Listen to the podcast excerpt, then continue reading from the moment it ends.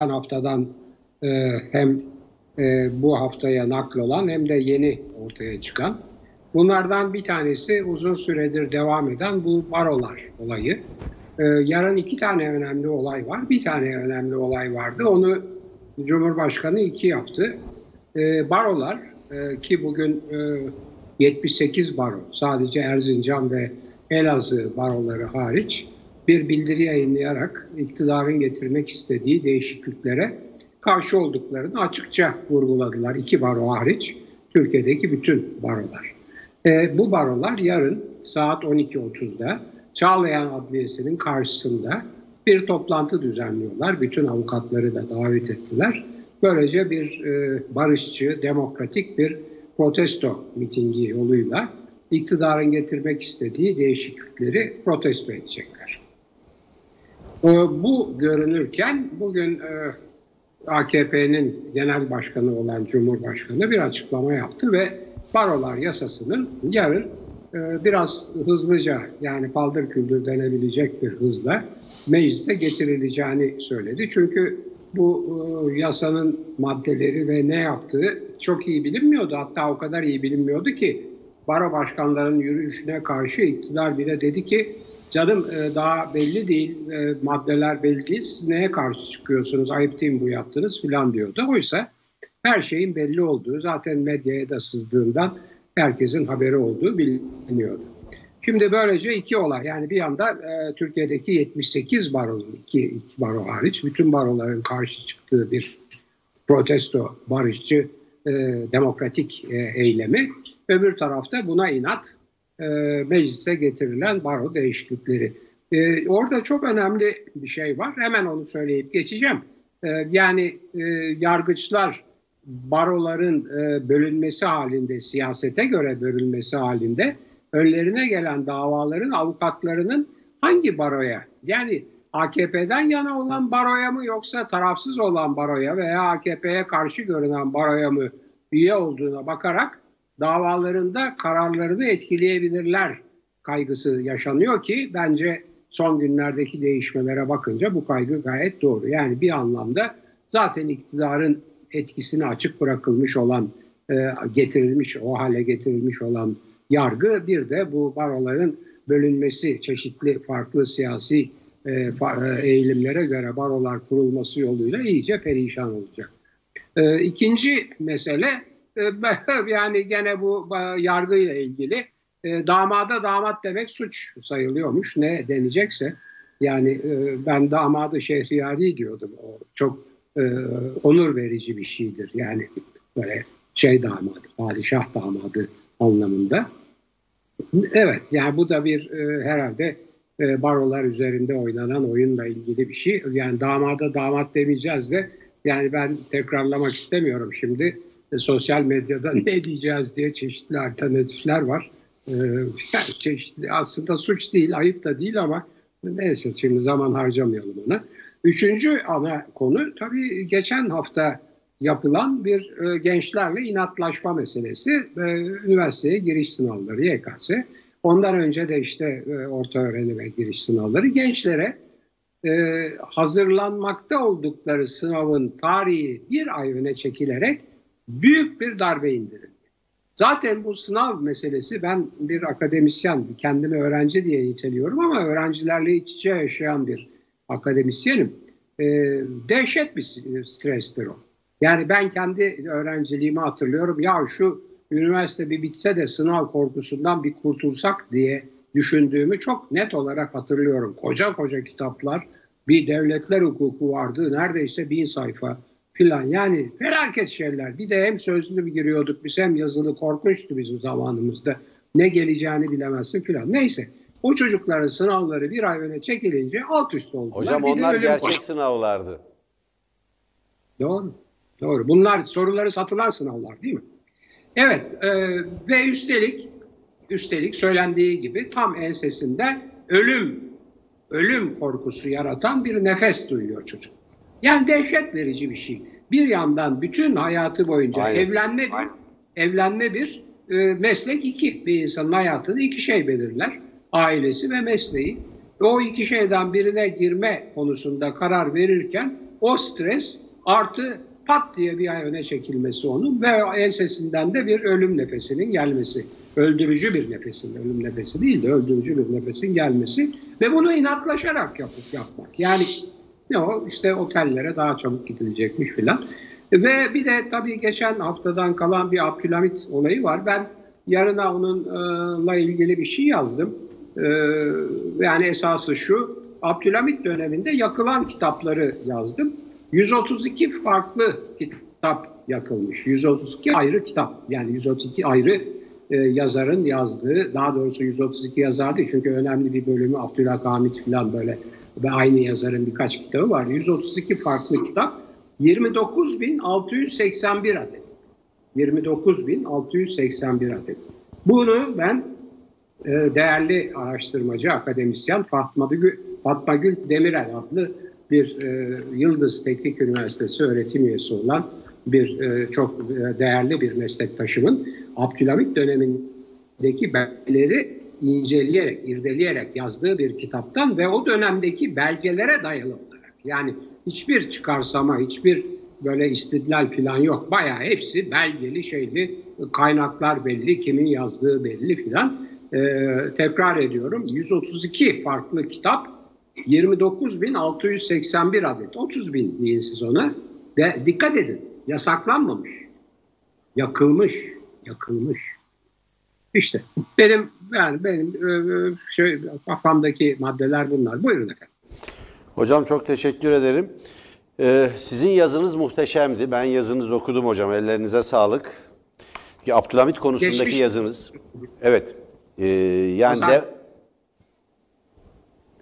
devam yazınızı da ben merakla bekliyorum. Çok önemli çünkü Abdülhamit konusunu e, benim programda kullandığım bir kavram üzerinden daraltarak ve işte tırnak içinde belirtiyorum. Abdülhamit'e sözünü ettiğim yani ben aşağılık diktatör demiştim. Çünkü ben dünyanın bütün diktatörlerini, despotlarını, zalimlerini, bunlar ister hükümdar, ister sultan olsunlar, ister darbeyle gelsinler, ister seçimle gelsinler. Hitler gibi örneğin Mussolini gibi. Hitler seçimle gelen bir zorbadır. İsterse sultan olsunlar, bir soydan gelsinler e, bunların tamamının kurdukları rejimin aşağılık olduğunu düşünüyorum. Bu kavrama bir açıklık getirmek isterim hocam izin verirseniz. Estağfurullah buyurun. Çünkü durum şu, durum şu. Benim kullandığım aşağılık kavramına takılıp kalmayı tercih ediyorlar. Bunun karşısında bir tartışma yürütemiyorlar çünkü.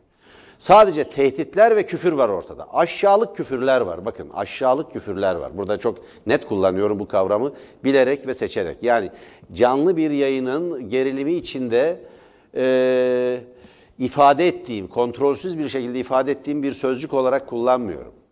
Aşağılık ve alçakça küfürler, tehditler arka arkaya geliyor. Bunların hiçbirinde fikir, tartışma ve değerlendirme yok. Şimdi e, ben bütün bu süreç içinde tartışmaları izledim, baktım, değerlendirdim. Bu tartışmayı çok açık bir biçimde bu ülkenin ilericileri, cumhuriyetçileri, Kemalistleri kazanmış durumda. Çünkü Abdülhamit'e dayanmaya çalışan, yeni kuracakları rejimin tarihsel ve ideolojik referanslarını Abdülhamit'ten almaya çalışan bir anlayışın Abdülhamit'i savunması mümkün değil. Buna görgüleri, bilgileri, kültürleri, donanımları yetmiyor. Mesela Hadi Özışık diye bir soytarı çıkıyor. Çünkü medyada yandaş soytarılar çok fazla, zavallı. Besleme gazeteciler çok fazla. Hakaret ve küfürlerle dolu, yalana dayalı bir video çekiyor. Mesela benim Can Ataklı'ya zorla özür dilettiğimi ileri sürüyor. Defalarca söyledik. Kimse Can Ataklı'ya zorla özür diletemez. Böyle bir şey yok. Kaldı ki Can Ataklı kendi iradesiyle hareket eden burada üst düzey yönetici ve yayın kurulu üyesi olan bir isimden söz ediyoruz. Diğer taraftan bizim İstanbul Belediyesi tarafından fonlandığımızı söylüyor. Şimdi bu Hadi Özışık fonlanmanın ne olduğunu çok iyi bilir. Yandaş bir gazeteci olarak neler almış İstanbul Belediyesi'nden daha önce biz bunları saydık, dökümün ortaya koyduk. İsterse kendisine kendisinin alnına yapıştırırız. Soytarılığın, şaklabanlığın, şebekliğin hiç gereği yok. Hiç gereği yok. Hiç gereği yok. Kendi kişiliğine saygı duyan insanların böyle bir yalana ve soytarılığa başvurması da son derece yanlış. Bu ancak insanı alçaltır. Başka bir işe yaramaz. Şimdi gelelim tartışmaya. Ben aşağılık kavramını çektim. O sözcüğü çektim. Geriye ne kaldı? Despot, zorba, istibdat rejimini kurmuş, e, Mithat Paşa'yı boğdurmuş, Osmanlı Türk aydınlanmasının önderi, öncüleri olan Namık Kemallerin, Tevfik Fikretlerin arasında olduğu, aralarında bulunduğu, Ziya Paşaların aralarında olduğu binlerce aydına işkence etmiş, zulmetmiş, on binlerce insanın sürgüne gönderilmesine neden olmuş. Halka da mesela e, halkın sevdiğini iddia ediyorlar. Halka da büyük bir zulüm uygulayan bir istibdat padişahından söz ediyoruz. İstibdat nedir? Baskı ve teröre dayalı, devlet terörüne dayalı yönetim demektir. Yalan söyleyerek meclisi açacağım, anayasayı ilan edeceğim diye iktidara gelip birinci yılında meclisi kapatıp anayasayı askıya alan birinden söz ediyoruz. Mustafa Kemal'i dört kez gözaltına aldırıp mabeyinde tutuklatan ve terörist olarak sorgulatan birinden söz ediyoruz. Kendisini iktidara getiren Mithat Paşa'yı çadır mahkemesinde yargılayıp Yıldız Bahçesi'nde kurulan ki orada bir çadır köşkü vardır. Çadır köşkü adını oradan alır. O mahkemenin önün, o köşkün önünde kurulan bir çadırda yargılanıyor. Bir kumpas davasında Arabistan'a sürgüne gönderip Taif'e, Taif'e orada boğduran birinden söz ediyoruz. Şimdi denilebilir ki mesela Fatih Altaylı bir yazı yazmış ben cevabını verdim kendisine. Kendisi e, Cübbel Ahmet Hoca ile çok fazla teşriki mesai yaptığı için e, karıştırıyor olabilir. Yani bilgi e, bilgi ve e, donanımının eksik olduğunu biliyorum ama şimdi bu konu basit bir okumayla e, çözülebilecek bir mesele de değil onun açısından.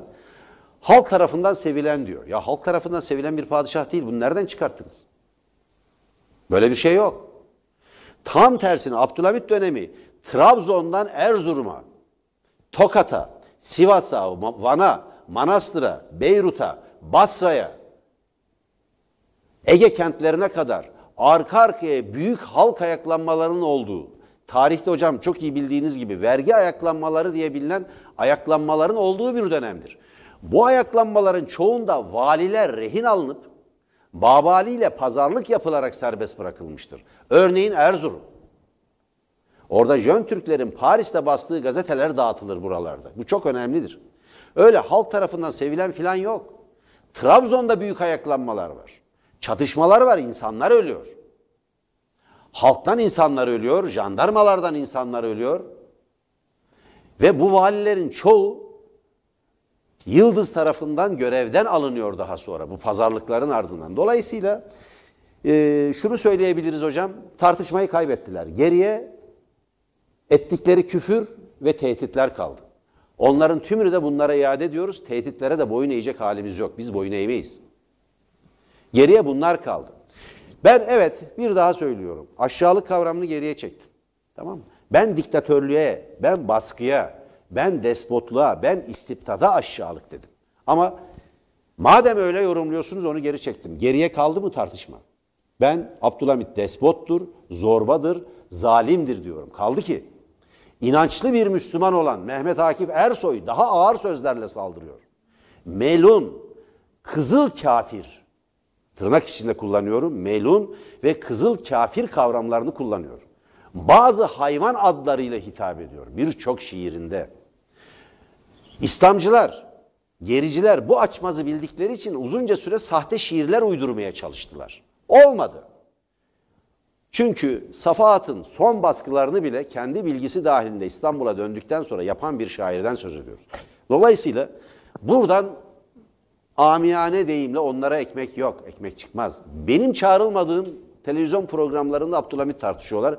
Gıyabında benim söylediklerim üzerinden. Şimdi bu işi doğru düzgün yapacaksak eğer, bakın Aykut Kansu'nun profesör doktor, Boğaziçi Üniversitesi'nin tarih profesörü Aykut Kansu'nun iki ciltlik 1908 devrimi orada duruyor.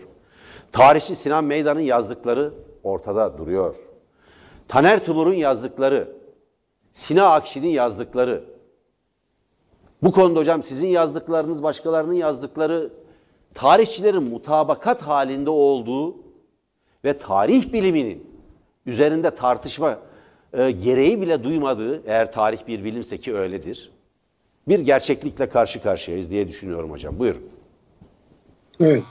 Ee, şimdi tabii e, doğru. Yani e, oraya e, aslında Abdülhamit e, konusunda e, beni çok şaşırtan şey e, bula bula onu nasıl e, ona sığınmayı veya onu kendi sloganları ve işte e, e, yücelttikleri ataları çünkü başka padişahlar da var. Yani ben olsam yani Fatih Sultan Mehmet'e sığınırım.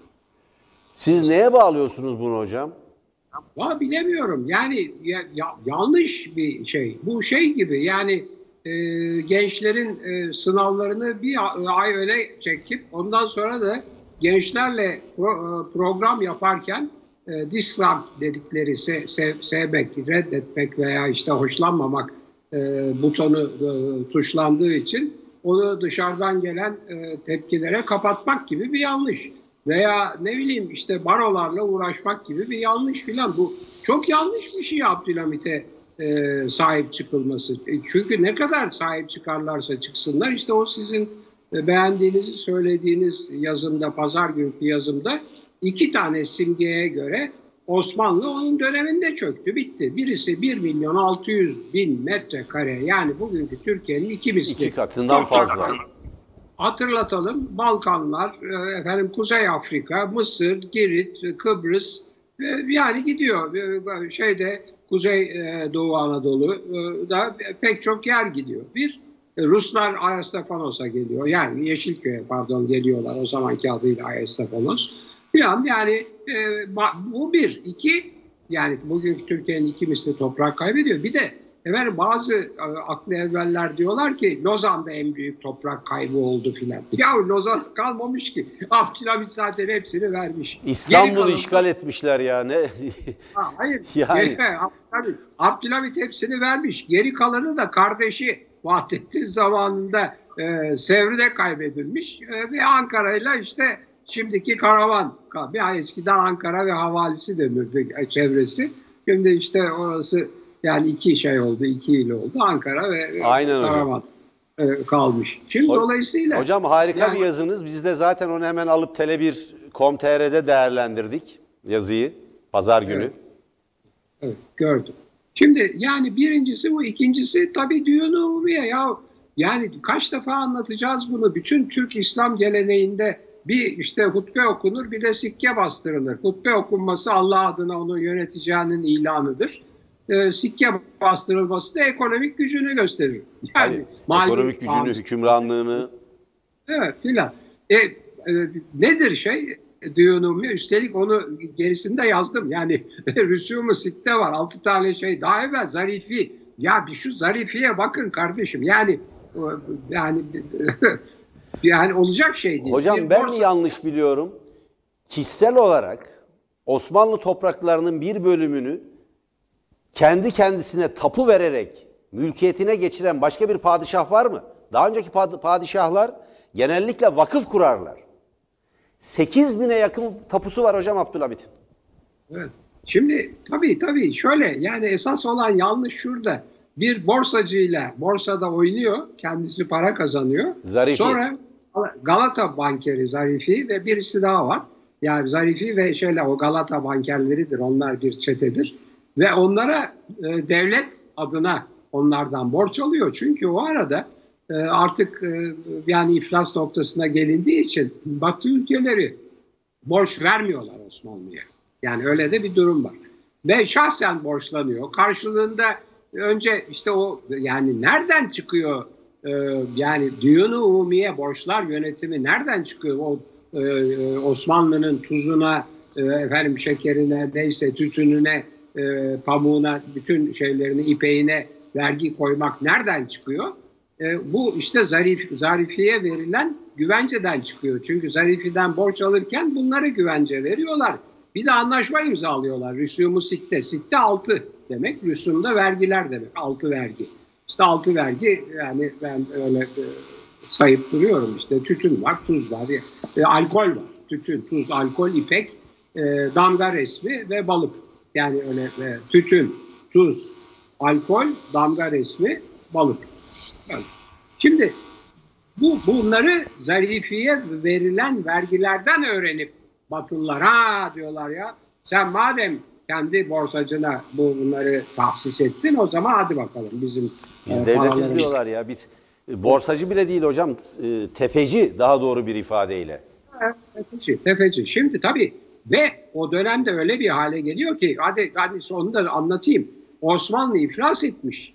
Düğün-ü Umumiye vergileri topladığı için bir eli yağda bir eli balda kız istemeye gidiyor şimdi aile. Damat olacak aile. Damat demek de hani suç oldu ya. Bu damat o damat değil.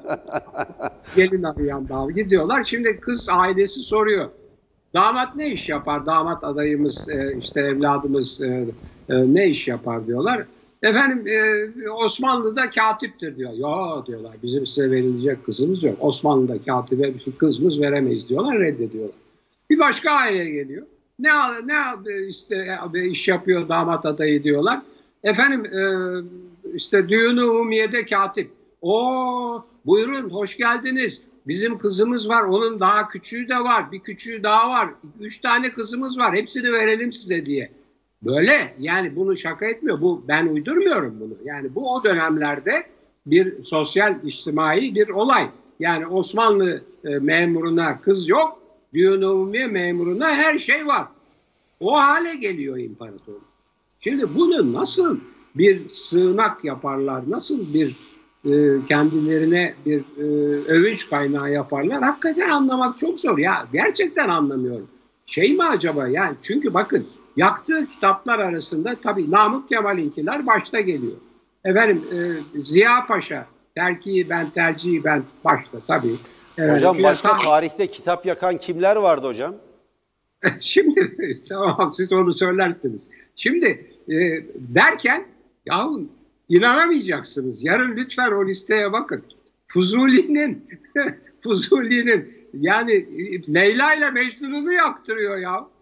Kerem'le Aslı'yı yaktırıyor. İnanamayacaksınız. Yusuf ile Zeliha'yı ya- yaktırıyor. Daha böyle tarih kitapları var. Masa ya Hayber Kalesi'ni yaktırıyor ya. Hayret edilecek bir şey. Hadi Köroğlu'nu yaktırmış onu anlıyorum. Yani o bir e, böyle bir e, de- şey e, Köroğlu bir asi. Asi. Evet, yani otoriteye baş kalmış. Bir tek Çok onu anlıyorum. Yiğit Fakat bir adam. ya Ya işte biz o soydan geliyoruz. Molière'den, Molière'den, Molière'den yapılan uyarlamayı yaptırıyor ya. Ya inanılır gibi Ya, Tarkov'un yarın uyarlaması- yazınızı mer- yarın merakla okuyacağız hocam. Kaç bin Ya, kitap ay- yaktırıyor hocam? Vallahi siz söyleyin buyurun. Zaten benim söyleyeceğim bu kadar. Galiba 80 bin kitap yak- yaktırıyor toplamda. Yani tek tek değil de. Kim? 80 bin mi hocam kitap yaktırdı? Yok o- 29 bin 29 bin 681. 80 oradan kaldı aklınızda. Evet ha 29.681 doğru.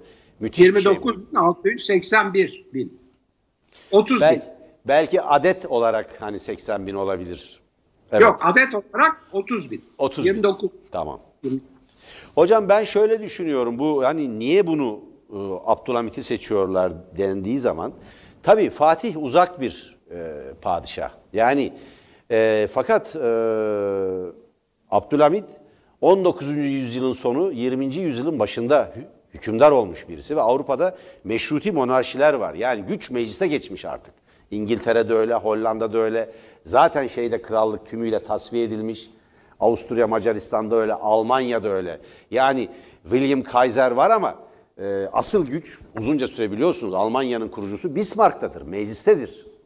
E, yöneticiler yani meşru seçilmiş yönetimlerdedir. Abdülhamit'le ilgili tartışma güncel bir tartışmadır. Ben öyle değerlendiriyorum. Çünkü Türkiye tam da şu anda böyle bir kavşakta duruyor. Bu tartışmanın ima ettiği kavşakta duruyor. O yüzden bize bu kadar saldırdılar. O nedenle saldırdılar. Çok belli ki esasında Abdülhamit'in despotluğu, Abdülhamit'in baskıcı rejimi, istibdadı yani e, bunlar kendilerinin tartışabileceği konular değil. Orada Mehmet Akif Ersoy'un, İstiklal Marşı'nın yazarı Mehmet Akif Ersoy'un yazdıkları orada duruyor. İlki adamı çünkü. O nedenle Nazım Hikmet, Mehmet Akif büyük adam, inançlı adam, ilki adamı diyor. Sebebi bu. Bu tartışmayı yürütemedikleri için eee, sadece o kavrama takıldılar. Evet bugün çektim o kavramı. Çekiyorum. Bitti. Ama durum şu. Kurmak istedikleri yeni rejimin atasını, kurucu atasını Mustafa Kemal Atatürk'ün karşısına koyabilecekleri bir tarihsel portre, bir ata arayış içindeler. İdeolojik Ama ve ya- tarihsel bir referans arayışı içindeler. Tabii Hocam- ama yani Abdülhamit en en sonra akla gelebilecek insan. En sonra. Evet. Bak, Ama hocam dün akşam Habertürk'te beni çağırmadan yaptıkları televizyon programında anketçi diye bilinen bir e, kişi var. Ne diyelim? Ebu Bakir Şahin'in söylemiyle bir şahıs var. o şahıs diyor ya, e, Tele1'de program yapan şahıs diyor bana. Kendisi de herhalde ne diyelim biz kendisine e, Rütük başkanı olan şahıs diye mi hitap edelim? Yani herkes nasıl hitap ederse o şekilde hitap edilmeyi, edilmeyi de hak ediyor demektir. Her neyse Adil Gür. Adil Gür. Bir Abdülhamitçi çıktı ya. Mustafa Kemal ile onu karşı karşıya koymamak lazımmış. Peki ne yapacağız? Yan yana koyacağız. Eşitliyor. İstanbul'u neredeyse Osmanlı'yı neredeyse yeniden yaratmış. Bütün modern okullar okurmuş, her şeyi o yapmış filan. Yani bize başka bir hikaye anlatmaya çalışıyorlar. Demir yolları imtiyazını vermiş. Demir yolların iki tarafında 20 kilometre derinliğindeki bütün madenleri, suları bile yabancılara vermiş. Kıbrıs'ı satmış. Türkiye'nin iki katından fazla toprak kaybetmiş. Aydınlara zulmetmiş. Kendisini iktidara getiren sadrazamı boğdurmuş birinden söz ediyoruz. Kahrolsun istibdat, yaşasın hürriyet sloganının atıldığı bir tarihsel dönemden söz ediyoruz. Şimdi muhafazakarlar, e, İslamcılar değil ama muhafazakarlar o dönemde Abdülhamit'e karşı verilen mücadeleye bakar. Örneğin Namık Kemal'in yazdıklarını okurlarsa, Hürriyet gazetesinde, dönemin Hürriyet gazetesinde, tasviri efka, efkarda ve diğerlerinde yazdıklarına bakarlarsa aslında kendilerine çok yakın isimler de bulacaklar. Fakat Abdülhamit konusunda direnmelerinin tek bir nedeni var. Abdülhamit bütün bunları yaparken cahil halkı yönetmek için İslam aracını kullanıyor hocam. O nedenle İslam'ın siyasallaştırılmasının başlangıcıdır. Cemalettin Afgani, Afganistanlı siyasal İslamcı hareketin 20. yüzyıldaki kurucularından biridir teorik olarak. Geliyor sarayında iki yıla yakın kalıyor Abdülhamit'in. Ve daha da önemlisi Yavuz'dan sonra neredeyse halife ünvanını kullanan tek padişahtır. Osmanlı dağılmaya başlayınca siyaseten kullanılıyor. Hep söyledim Halil İnalcık'ın yazdığı, diğer tarihçilerin yazdığı ortadadır. Yavuz Sultan Selim bu ülkeye hilafeti getirmiyor. Halifeyi getiriyor. Hadisi şerife göre çünkü halife Kureyş'tendir. Buna riayet ediyorlar. Daha sonra siyaseten Osmanlı'nın dağılma sürecini durdurmak için getirilen halifeliği, getirildiğini iddia ettikleri halifeliği kullanmaya başlıyorlar. Ve uydurmaya çalışıyorlar. İşte Eyüp Sultan Camii'nde yapılan bir törenle hilafet e, hilafeti Yavuz üstlendi diye. Böyle bir tören yok. Böyle bir tarihi bir, kayıt da yok. Ve Abdülhamit'e kadar padişahların halife ünvanını kullandığına da rastlamıyoruz. Kaldı ki rom içen, konyak içen, opera dinleyen birinden söz ediyoruz. Yani özel yaşamıyla İslamcılığı birbiriyle çelişiyor. Siyaseten İslamcı çünkü. Sebebi budur diye düşünüyorum hocam. Bugüne çok denk düşüyor. Tartışmayı buradan götürmeye çalışıyorlar. Evet. Ben bir daha tekrarlayarak kapatayım bu konuyu isterseniz hocam. Yani ben evet, Evet. o kavramı geri çektim. Buyurun tartışalım. Despot diyorum. İstibdat rejiminin kurucusu halkına zulmetmiş bir zalim hükümdar diyorum. Bunun ötesi var mı? Gelin bunu tartışalım. Halka zulmeden bir hükümdardan söz ediyorum. Osmanlı aydınlanmasını geciktiren, meşrutu yönetimin kurulmasını 33 yıl geciktirerek yazınızda çok isabetle söylüyorsunuz. Çöküşe neden olan Osmanlı İmparatorluğu'nun çöküşü Abdülhamit'le başlar. Geçenlerde de konuştuk hocam. 1850'de Osmanlı bütçesi denk açık vermiyor. Kırım Savaşı'nda borç alınıyor. 4 milyon yanlış hatırlamıyorsam. Duyunu Umumiye'yi e, Abdülhamit kurduktan sonra da Osmanlı maliyesi çöküyor. O hadise bundan ibaret. Çökme falan yok. Yok oluyor canım. Yani çökme diye bir şey söz konusu değil. Kalmıyor. Kalmıyor. Yani bütün mesele orada. İmparatorluk bitiyor. Ondan sonra zaten bütün mesele şimdi ne peki ya bir, ha bir de bir şey var. Bir, bir, bir, bir başka efsane var. Efendim işte o kadar e, dış politikada başarılıymış ki çökmüş olan bir imparatorluğu bilmem 30 yıl bilmem yaşatmış filan. Yahu ilgisi yok. İmparatorluğun Yani bir- 1881'den sonra 1918'e kadar 18, 19 daha demek ki 20, 37 yıl daha yaşamasının sebebi büyük devletler paylaşamıyorlar. Rusya, Fransa, İngiltere ve Almanya dört tane büyük devlet. Amerika sonradan giriyor, 1900'den sonra giriyor. Bu dört devlet aralarında paylaşamıyorlar. Yani paylaşamadıkları için yaşıyor Osmanlı. Yani Osmanlı hiç kimsenin öyle ferasetinden veya dengeciliğinden filan yaşamıyor. Veya işte onu ona karşı Birinci Dünya Savaşı'nda gösterdiği direniş de hocam siz de çok iyi bileceksiniz. Jön Türklerin iktidara gelerek devleti yenilemeleri, gençleştirmelerinden kaynaklanıyor. Limon Van Sanders'in Türkiye'de 5 yıl adlı anı kitabı bunu çok net bir şekilde ortaya koyuyor. Çanakkale Evet, Zaferi yani- onun ürünü. ile ilgisi yok. Yani e, Abdülhamit'in bir becerisi falan yok. Ben Batı Batı Batı kültürüne hayranlığıyla ilgili bir, bir küçük şey daha ekleyeyim. Sherlock Holmes okuyor biliyorsunuz. Evet. Çok merak. Evet. Yani hem polis romanlarına meraklı hem Sherlock Evet, olumlu Holmes'a. özelliklerinden söz edilecekse bunlar zaten başka yok. Aa şey iyi de bir iyi de bir zanaatkar. Yani marangoz. Evet, de bir- marangoz, marangozluk yapıyor bir de. Bence onun lehine bir şey. Hocam bu Keşke şeye her- ne diyorsunuz? Bu Yok, Kızılay'a şey ne diyorsunuz hocam? Kızılay Başkanı'na. Bir onunla Yani- bitirelim. Hayret bir şey efendim. Şimdi bakınız bir insan bunu çok yazan söyleyen oldu. Bu dönemde kim aşırı gidiyorsa, kim durup dururken yani bu Diyanet İşleri Başkanı da buna dahil, Kızılay Başkanı da buna dahil, politikacı milletvekilleri filan da dahil. Bunu sanıyorum e, gene kendi içlerinden biri söyledi. Her kim mesela durup dururken birdenbire hiç ilgisiz insanı mesela FETÖ'nün içeri attıkları FETÖ'cülerin sizi FETÖ'cülükle itham ediyorsa veya birdenbire işte LGBTİ'ye saldırıyorsa veya birdenbire eşcinsellik filan diyorsa bunlar açıkları olan açıkları olan özellikle FETÖ'yü kullananlar eski FETÖ'cüler. Onlar aşırı FETÖ'cüler korkularından bunu yapıyorlar. Ay bizi de içeri atarlar atmasınlar biz FETÖ'cü olmadığımızı saldırarak gösterelim diye. Açıyor olanlar bulundukları yere hak etmeden gelenler aşırı siyasal söylemlerle o yerleri doldurmaya, o yerleri hak ettiklerini yukarıya bildirmeye çalışıyorlar. Fakat ben bunu çok yazdım. Bu çok yanlış. Tek adam sistemlerinin, tek adam yönetimlerinin, sarayın falan yani e, Osmanlı'yı kastediyorum. En büyük sıkıntısı bu. Padişahın gözüne girmek için olmadık münasebetsizlikler yapıyorlar. Çünkü Sayın Erdoğan da bugün örtülü olarak benzer bir şey söyledi hocam. Bugünkü konuşmasında. Öyle mi? Ben Evet. fark etmedim. Evet. tabii. Tam sözlerini Neyse. söyleyeyim hocam size. Yani tam sözleri ilginç. Ee, Hayır kraldan çok kralcılar diyorum bunları. Yani ve zarar veriyorlar. Yani hem sisteme hem rejime hem ülkeye hem o en başta yaranmak istedikleri adama gözüne girmek istedikleri adama zarar veriyorlar ya. Ya bu kadar abuk sabuk mantıksız şeyler olur mu canım? Kızılay Başkanı'nın ne ilgisi var LGBTİ yürüyüşüyle bilmem neyle? Evet.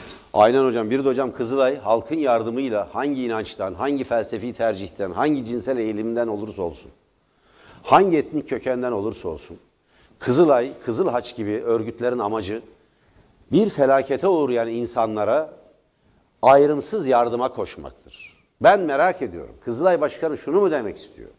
Bir sel felaketinde, bir deprem felaketinde veyahut bir savaş anında, halinde eşcinsel olanlara yardım etmeyecek mi? Yani onları yangından kurtarmayacak mı? Selden kurtarmayacak mı? Battaniye çadır vermeyecek mi? Bir cinsel eğilimi ölçmek için bir alet, bir araç mı getirecekler? Hocam Türkiye'nin geldiği yere bakar mısınız? Ya böyle bir şey olabilir mi? Eşitlik Nefret- ilkesine, nefret- insan haklarına aykırı bir durum var ortada. Bence nefret söylemidir ve Nefret söylemi. Aynen öyle bir nefret söylemidir bu. Evet. Peki hocam bitirelim isterseniz. Çok 30 35 dakika oldu. Oldu, oldu. Peki değerli seyirciler yarın görüşmek üzere. Hoşçakalın. Yarın görüşmek üzere.